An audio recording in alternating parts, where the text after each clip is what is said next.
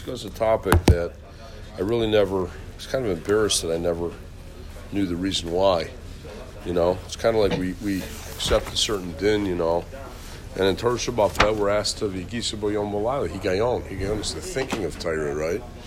And the importance of knowing svaras and and um, you know knowing the importance of it, and. Um, so I want to share with you that klal, and as like I said, I was a little embarrassed not knowing it, but Baruch Hashem, yesterday I was able to go through it, and I want to share it with you, so you'll be able to know it also for the rest of your lives, and not know it uh, only at the age that I know it now.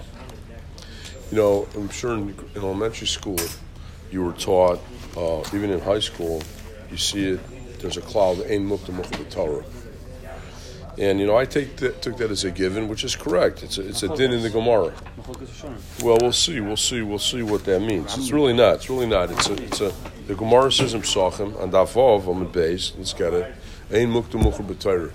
That the Torah was not written in chronological order. The Gemara says though that that's only when there's two parshios. You know what a parsha means? Pei to samach. In two parshas, you could say ein mukta. Right? Two parshas you could say in the. In one parsha, though, within the same parsha, says the Gemara, you cannot say Ein Mukta Mukta You got to keep. You want it? You want paper? Yeah, Gemara says that in Psachim Vavam and Beis. What's the exam, What's the topic in the Gemara there? The topic in the Gemara there is in the beginning of Chumash Bamidbar. It says there was a census of the Jewish people. In Perik Tes, good morning, Shmuel. We miss you on Thursday. In Perik Tes, it says, in Perik Tes, it says in Parsh Baloscha, it says that HaKadosh Baruch Hu commanded Yisrael to do the Korban Pesach in the second year, in the first month in the, in the desert. The census was in the second year, in the second month. So the obvious question is, what's going on? If if the Korban Pesach was the first month, it was a month before, that should have been presented first right? So that's where the Gemara says the famous klal of what? Ein mukta mukra b'torah. So it's referring to that. I want you to, you guys got to know exactly. And no, one, and no one argues on that. Yeah, no one argues on that. That's a Gemara. Okay, now for I have to tell you, for many years I was bothered by Rashi many places. I don't know about many, but Rashi will many times say Ein mukta mukra b'torah, and it happens to be within the same parsha. So it's against the Gemara. How could Rashi say that? I was always bothered by that. How could Rashi say that apply the principle of Ein Muktam Torah when it's against the Gemara, you're not allowed to apply it within one parsha. I'll give you an example. In Vayikra, uh, in Shmos, in Perak Dalid, it says that Moshe Rabbeinu, you know, brought Zipporah down to Mitzrayim, you know, from Midian, and Rashi invokes Ein Muktam Torah even within the same parsha. So Rashi's against the Gemara. Rashi does it in Sefer Bereshis too, he says, "Ein mukta mukta shmu." you're getting it down? Doesn't say in Vayikra there's one pasuk out of place that's supposed to go in, in a different parsha. I, don't know that. That, that, I'm pretty sure was, that, that could be, but that's not, not necessarily in mukta mukta Torah l'mais. The klal, all right. Well, you'll show it to me, but the klal of the klal of ein mukta mukta Torah Rashi uses even within Osa parsha. So I was very bothered by that. So what do you do? So I found yesterday Baruch Hashem, that there's a Yerushalmi in Shkolim that argues on the Bavli. And the Yerushalmi invokes the klal of Ein Muktam Ruch even within one pasuk. You guys familiar with that pasuk? A lot of people missed it. I would have missed it too. It says in Vayikra, it says in, in yesterday in Shmos, Perachaf Hey Pasuk Chaf Aleph. What was in the Aron? What was in the aron? The aron. What was in the aron? The luchos. What was on? The, what was the lid on top of the aron? The kaporos. What do you you put the luchos in, and then you cover it with a kaporos. In the pasuk it says cover the cover it with the lid and then put the luchos in. You notice that pasuk? And, and, so so the, so the Yerushalmi says in Shkalim, Perik Vav pasuk Aleph, it quotes from Meir that says Ein Muktam That's even within the same pasuk. So I was thinking to myself all those kashas that I, all those times I was bothered by, maybe Rashi passes like you show me against the Bavli, that you can apply the principle of Ein Muktam Torah even to what? Even within one parsha. And here, it's even within the same pasuk. I'll read you the pasuk. It's amazing, you know. It says, uh, Pirachafe Pasrafal, it's nuts. It says, "V'nasatis kaporis ala aron mahala v'la aron titinas I mean, if you put the lid on, you can't put anything in it. No. So obviously, it's got to be what ein mukta That's within the same pasuk. So the Yerushalmi argues on the Bavli. So maybe Rashi follows who? Follows the Yerushalmi. Okay, and this allows us to talk about the series of parshas that we have now, the last five in Sefer Shmos. You have Truma yesterday, you have Tetzava. Truma discusses what?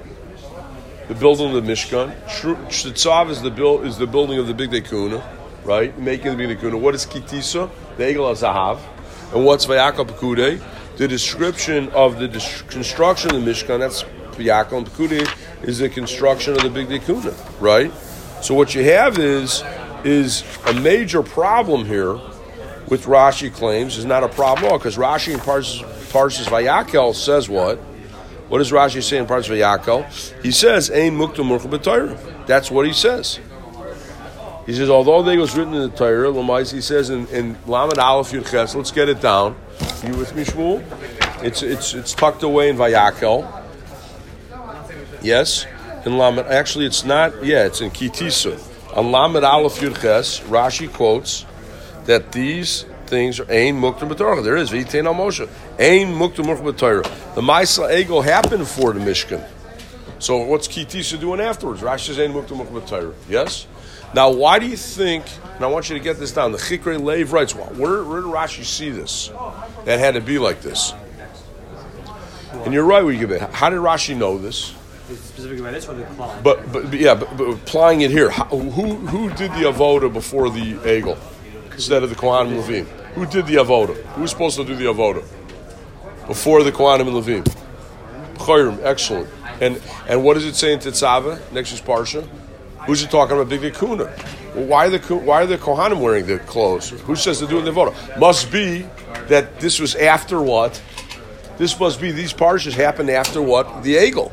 So that means you have to say Ein Mukta Yeah. Doesn't Rashi also hold that the, that the Mishkan is a kapara? Is kapara for the yes. has to come after. Yes, that fits.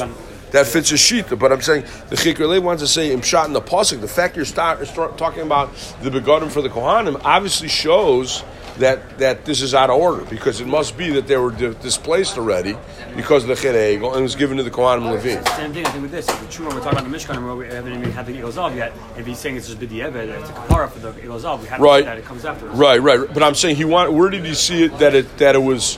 Where did he prove it from the psukim. This is a raya from the psukim. That's just a supposition in theory. He's, right, theory that was his theory. But you know, where do you see that in, in, the Pshutel Shalmikra? So that's where he wanted to say you see it in the Pshutel Shalmikra. You follow what I'm saying? Yeah. So that's where that's where his name is Reb Leib Hyman. He has a sefer called the Chikre Leif on, on Parsha Shum. He's a great Gaon. I don't know if he's still living or not. Reb Leib Hyman. So that's what he wanted to say from Rashi. Okay. Now I do want to say before we go on what Nate said, and I know that's what you were referring to. Let's get it down. The Ramban has a completely different approach. The Ramban is a, has a very constricted approach to Ein Mukta He rarely wants to apply it. Okay? He rarely, rarely wants to apply it. He has, obviously, the Gemara's case, he has it. But generally, the Ramban's approach is very much, and I think that's what you're referring to, Rashi is a very liberal approach. You understand what I'm saying by liberal and using, applying the principle, and the Ramban it's very constricted and restrictive. In fact, the Ibn Ezra is very even more liberal than Rashi. The Ibn Ezra is even more liberal, and uh, he uses a lot in Bereshis. It only be by Pashup shot, right? Only yeah. partial shot is calling for it, meaning if it needs to be explained by anyone from my yeah. It, but if not, he's, Yeah, in, in Vayikra Midbar, he says very restricted, correct. We sets forth also, he, he's very restrictive about it, that is correct. So it, it basically Nate, can be only invoked, as you said, if the Torah itself specifies it, right. either through a date or a location that the event written later actually happened earlier. Unless the Torah says he's very, very hesitant to say it. Correct. But the Ibn Ezra follows Rashi and is even more liberal than Rashi on it. And if you want to look in the, uh, I'll give you two Mara Makomos and Ibn Ezra. Bereshis Yud Beis and Bamidbar Perik Tetzayin Pasuk that Ibn Ezra Ibn Ezra in Bereshis Yud and in Bamidbar Tetzayin Pasuk he uses it very, very, very strongly. Okay. So as I said, Rashi seemed to be against the Gemara the Bavli. We want to give an answer He's holding like Yerushalmi against who? Against the Bavli, which Yerushalmi uses even within the same pasuk. Okay. Okay. Now, I want to prove this to you. The Ramban argues on Rashi very strongly on these series of parshas. How does he say that? So listen to what he says. Get it down. He says that Hashem initially commanded Moshe regarding the Mishkan and the Bigdei Kehuna during the 40 years he was on Mar- 40 days rather on Har Sinai. Right? You follow me? So it was a tzivui only. Then the Egel happened and Hashem shelved the project. He said Hashem shelved it. You know what a shelving a project is, right? He shelved it and then it became about again in Vayakal and Pekude. You understand what I'm saying? But it never happened. See, the Ramban says absolutely not against Rashi. Rashi says it happened already, right? It happened. It was. It was. It was. It was ein muktam So therefore, the egel happened. Lamais he says this is in order because it, it, it didn't happen. He says that it was a commandment. Everything's in order in these parshas. It was a commandment to do it. The egel happened. Hashem shelved it, and then it ended up happening. Yeah. Because once Klal Yisrael received the atonement at the Egel Yom Kippur, Moshe was then able to tell them about the Mishkan, and they proceeded, proceeded to build it in Vayakal Pekude. So according to the Ramban, these parshas are in order. You follow me? You understand what I'm saying? Yeah, go ahead. How does um, how does he explain the pasuk in our in our parsha? The removal That pasuk specifically, I don't know. I don't know. A, a way I'll explain it maybe it's like the way Rashi says it. Rashi on that pasuk, Rashi on that pasuk, believe it or not, doesn't say in Torah, but he's kind of hinting to it. Maybe he would just explain it away. You got to look what he would say. I don't know if he says something on that, but what I would say is maybe he would say what Rashi says because Rashi says, um, let me get it for you. Rashi says, "Vel Aaron lo yadati lama nichbal." Shekfar Nemra Nasatel Aaron El Teidus. V'yishlomer shabol alamed sheba'odo aron Lavado beloka porus, when the aron was without a box, without the lid, yitain tchila edus l'socho v'akach nitin a kaporos love.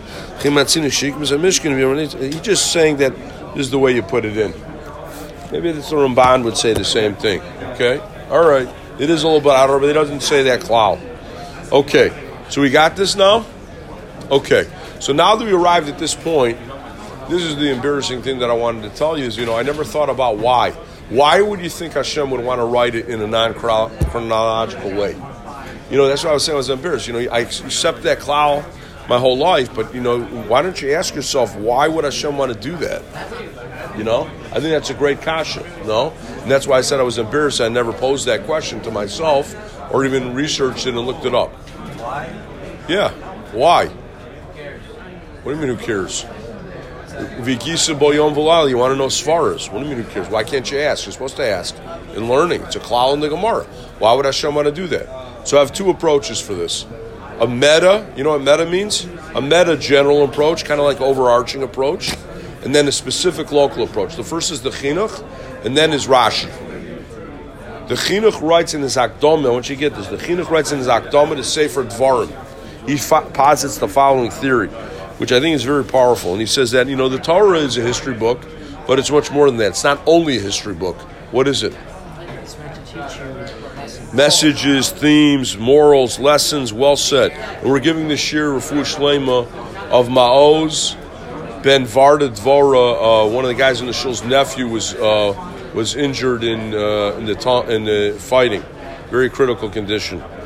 So may Hashem give him Rafu Shlema. So basically what the chinuch says is that you know there are other aspects of wisdom that Hashem wants to convey with the Torah, not just a history book. And many times those morals and lessons will override the history.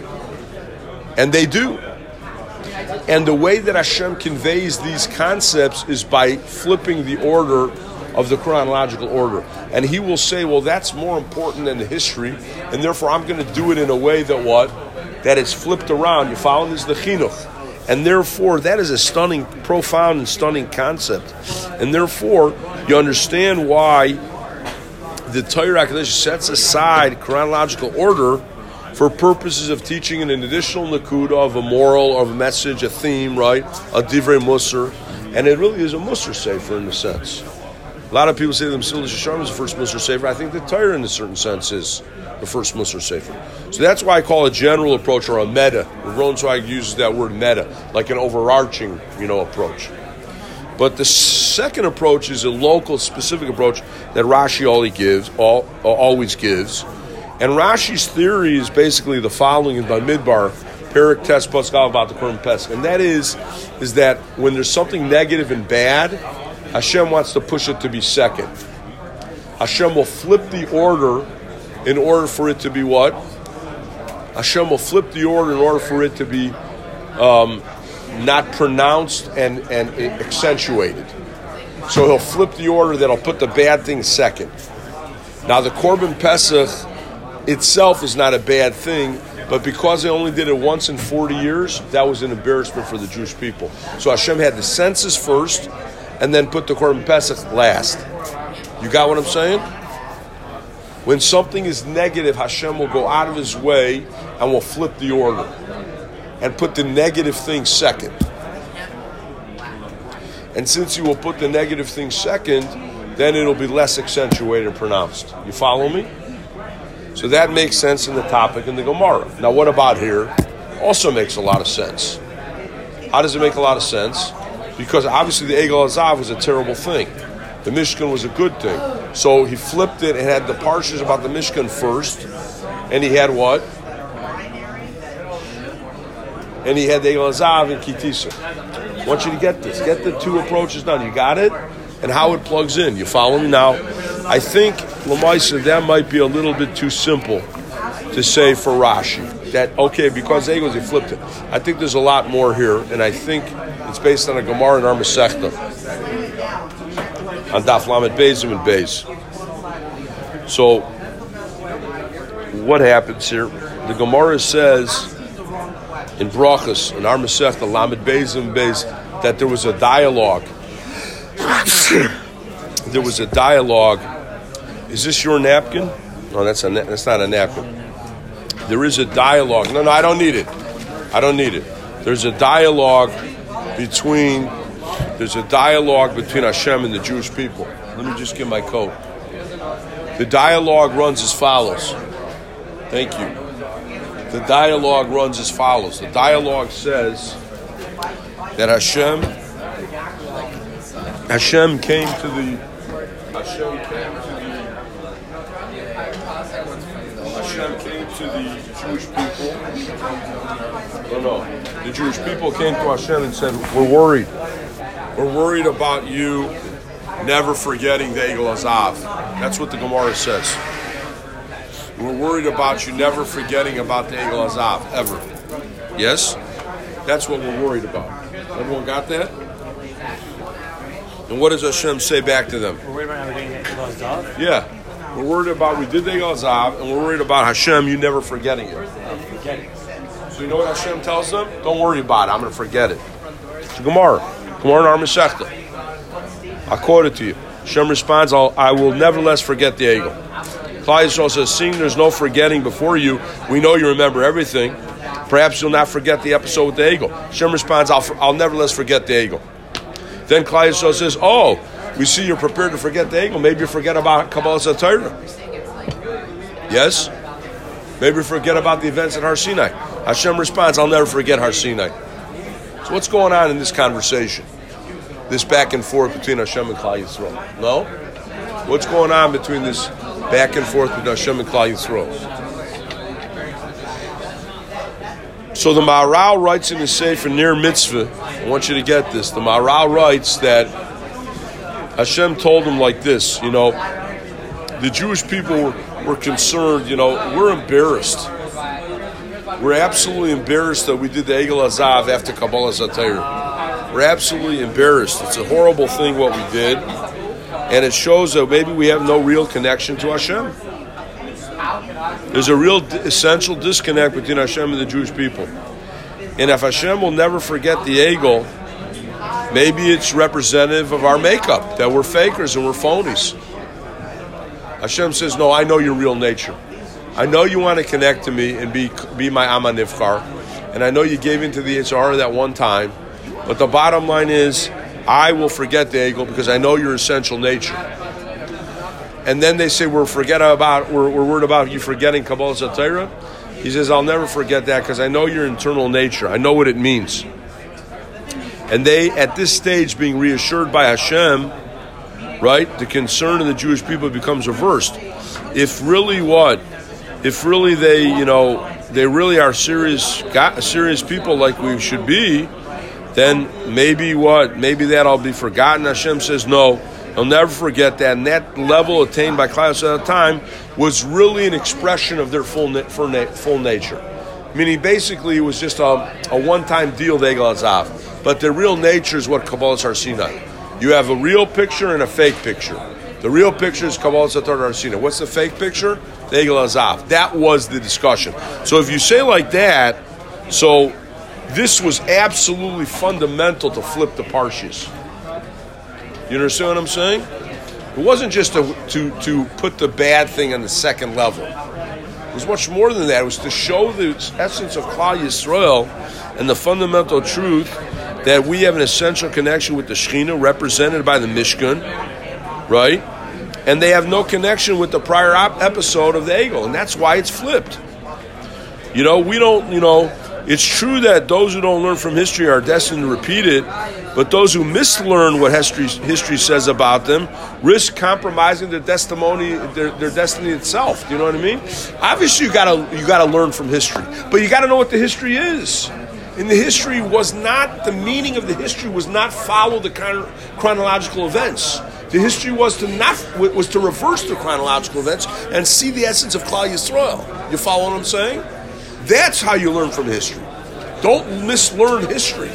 You're right if you don't learn from history, it will repeat itself. But you got to learn how the history right. And once you do that, Lamaisa, then you're in good shape. That is the message of A Mukta Mukha in the Parsha. That is its critical element. So you have the general approach the specific approach, and that's what it applies here.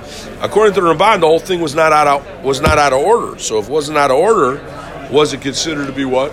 Was it considered to be a problem at all? You follow what I'm saying?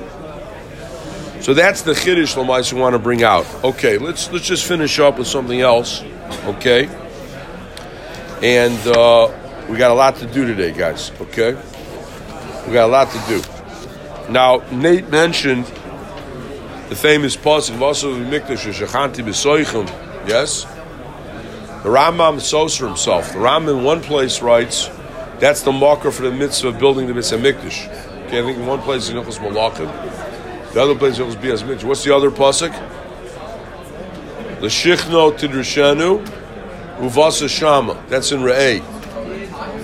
So Ram contradicts himself. One place he writes the marker is Vasu Mikdash Shechanta B'Soichem. In the other place, he says that. The other place he says that's L'shichnu Tidrashanu Uvasa Shama. You know the Torah nowhere writes where the Makam HaMikdash is. Did you know that? Torah doesn't say explicitly where it should be. And the Ram and the Moreh Nevuchim posits that kasha. And he says because Klal Yisrael, there'd be fights, Goyim would fight us, there'd be internal fighting. Shem, you know, didn't want to give the makom, and the Torah Shabbat Peh figures it out for us. But it's not a foolish. But there's a drisha. What's a drisha mean? You have to find it. Shem wants you to find it on your quest for it, seek it out and find it, and then you'll be able to find the makom. So, when the Rambam talks about the mitzvah of building the Beis Hamikdash, which we said was the makor, in the uh, Sefer HaMitzvahs, in Ilchos Beis Bechira, the Rambam states, I want you to get this, that the mitzvah includes not only the making of the building of the Mishkan but also its kalim. Rambam writes, We've already been masber. This general tzivui also includes particular items that are the mizbeach, the shulchan, the mizbeach. I'm sorry, the menorah, mizbeach, the shulchan, and the mizbeach, and all those are considered part of the mikdash. Noticeably absent from the list of items and included in the Mikdash is what? What do you list?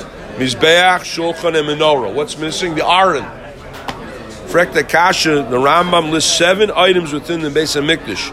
Rambam Milchus Beis Bechira. Look up. Perik Alf Alachavav. He lists the mizbeach for the kabbanis, the ramp, the kier for washing the coin's hands and feet, its base, the mizbeach for the ketairis, the shulchan, the menorah. Here too, what is glaring missing? The aron. You would have expected aron on the top of the list. It's not even on the list. Can't hear you. Yeah, both places. A mitzvah and shorish yud beis. Say for a mitzvah mitzvah sesei And also lamaisa, it's where. Also, where is it? It's mitzvah chaf and besa bechira perak So the Rav's father, yes. The Rav's father's at Tzal. I believe it's the Rav's father. So there's another of Moshe Soloveitchik, I think he means the Rav's father. I'll tell you the answer for this. You ready? All the above kalim play a role in the avoda of the mikdash and thus are considered part of it. By contrast, the aron is not involved in any avoda. It's true. It exists solely to house the luchos. Therefore, while it understandably resides in the innermost point within the mikdash, the Kodesh, it is not itself a clay of the mikdash. In this regard, we could say that while the other kalim serve the mikdash around them, the aron serves the luchos within it and just houses it. You follow? That's a good answer. No, the other one's actually used in the avoda. This just houses the what?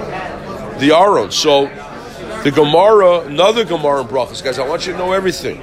It is extremely interesting to note that the resonance of this concept is the Gemara's famous account in Brachas. What daf? Nun Heim Ralph of the dialogue between Moshe and Betzalel regarding the order of building the Mishkan vis-a-vis the vessels.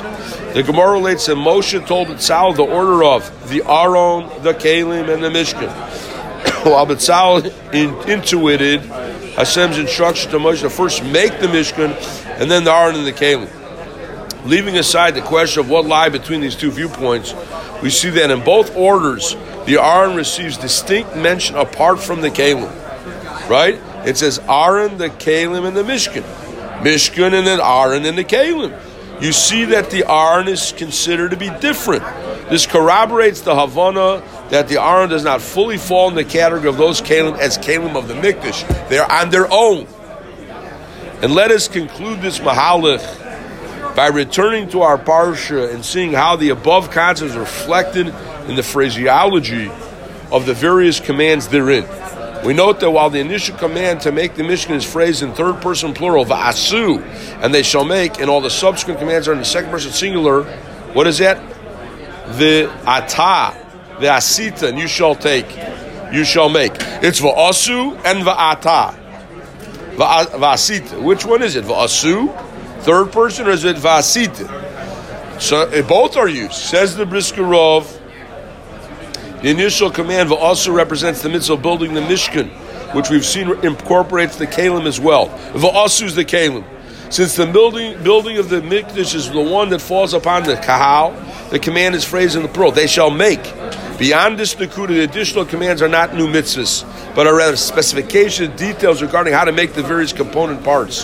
Hence, these commandments are phrased in the singular vasisa as they're addressed to Moshe and whoever will delegate to perform those particular tasks. That's a big machlokes. Ibn Ezra or Chaim HaKadosh. Ibn Ezra says that Moshe Rabbeinu had the Chachmei build the Mishkan. No, says the Or HaChaim HaKadosh. The Or HaChaim HaKadosh argues says Ibn Ezra is wrong, and he says Moshe Rabbeinu built the Mishkan himself. He's chaylik on the Ibn Ezra becharifis. You do it. And he did it himself. He didn't say it over to the Chachmei Lev. He didn't say it over to the Chachmei Lev. He did it himself. So once you say like this, having established this, now we proceed to the exception of the above rule is the Aron. The construction of which is also commanded in the plural va'asu why is it Vasu? We can understand now why this is so. Since we've seen the Arn is not one of the Kalim the Mikdash. Its manufacture is not covered by the Nitzul Mitzvah, Vasu Mikdash. As such, the making the Arn is an independent mitzvah that likewise falls upon the Kehillah, and hence the command to make it is phrased in what the plural form v'asu mikdash, and then v'asu aron. I the other asisa, the other kelim are under what? Under the mishkan, under the Mishkan. The iron is independent and distinct. As that conversation, our Mesichta and Brachas, Anun Hey what? Anun Hey and Marala between Moshe and Betzal. Iron is always distinct, distinct. Yes, Shmuel.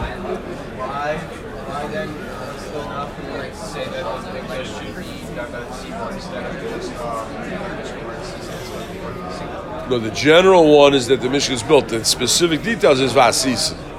But the general and the key it's a plural v'asu. V'asu. Is it Vasisa Li Mikdash? V'asu li mikdash v'shachanti. Yes, v'asu li mikdash v'shachanti b'soichel. V'asu, plural. But the details are Moshe and the Chachmei Lev. Throughout our parsha, what is Mishkan referred to with the term Mishkan? With the exception of this command, which uses the word mikdash. Wow. Did you ever think about that? On the one hand, we can be maven that the term is broadening the scope of the mitzvah, include context of the Mishkan, as well as extending the future Beis Hamikdash. However, it is also possible to see that the verse is qualifying the mitzvahs pertaining specifically to the items which are part of the avodah in the Mikdash. Mikdash, Mikdash. The Aron by contrast has no part in the avodah, but there's the house of luchos. Yes? It has no part in but it is there to house the hence it is not included in the midst of making a mikdash. Okay, this is the chiddush we want to bring out. The Aron. This is the chiddush. Yeah? So it comes out, that's the din. Okay, good. So that's, I want you to get these two mahalchim, please. They're very important. Okay, let me photocopy them. Let's break here. Yes. There it is.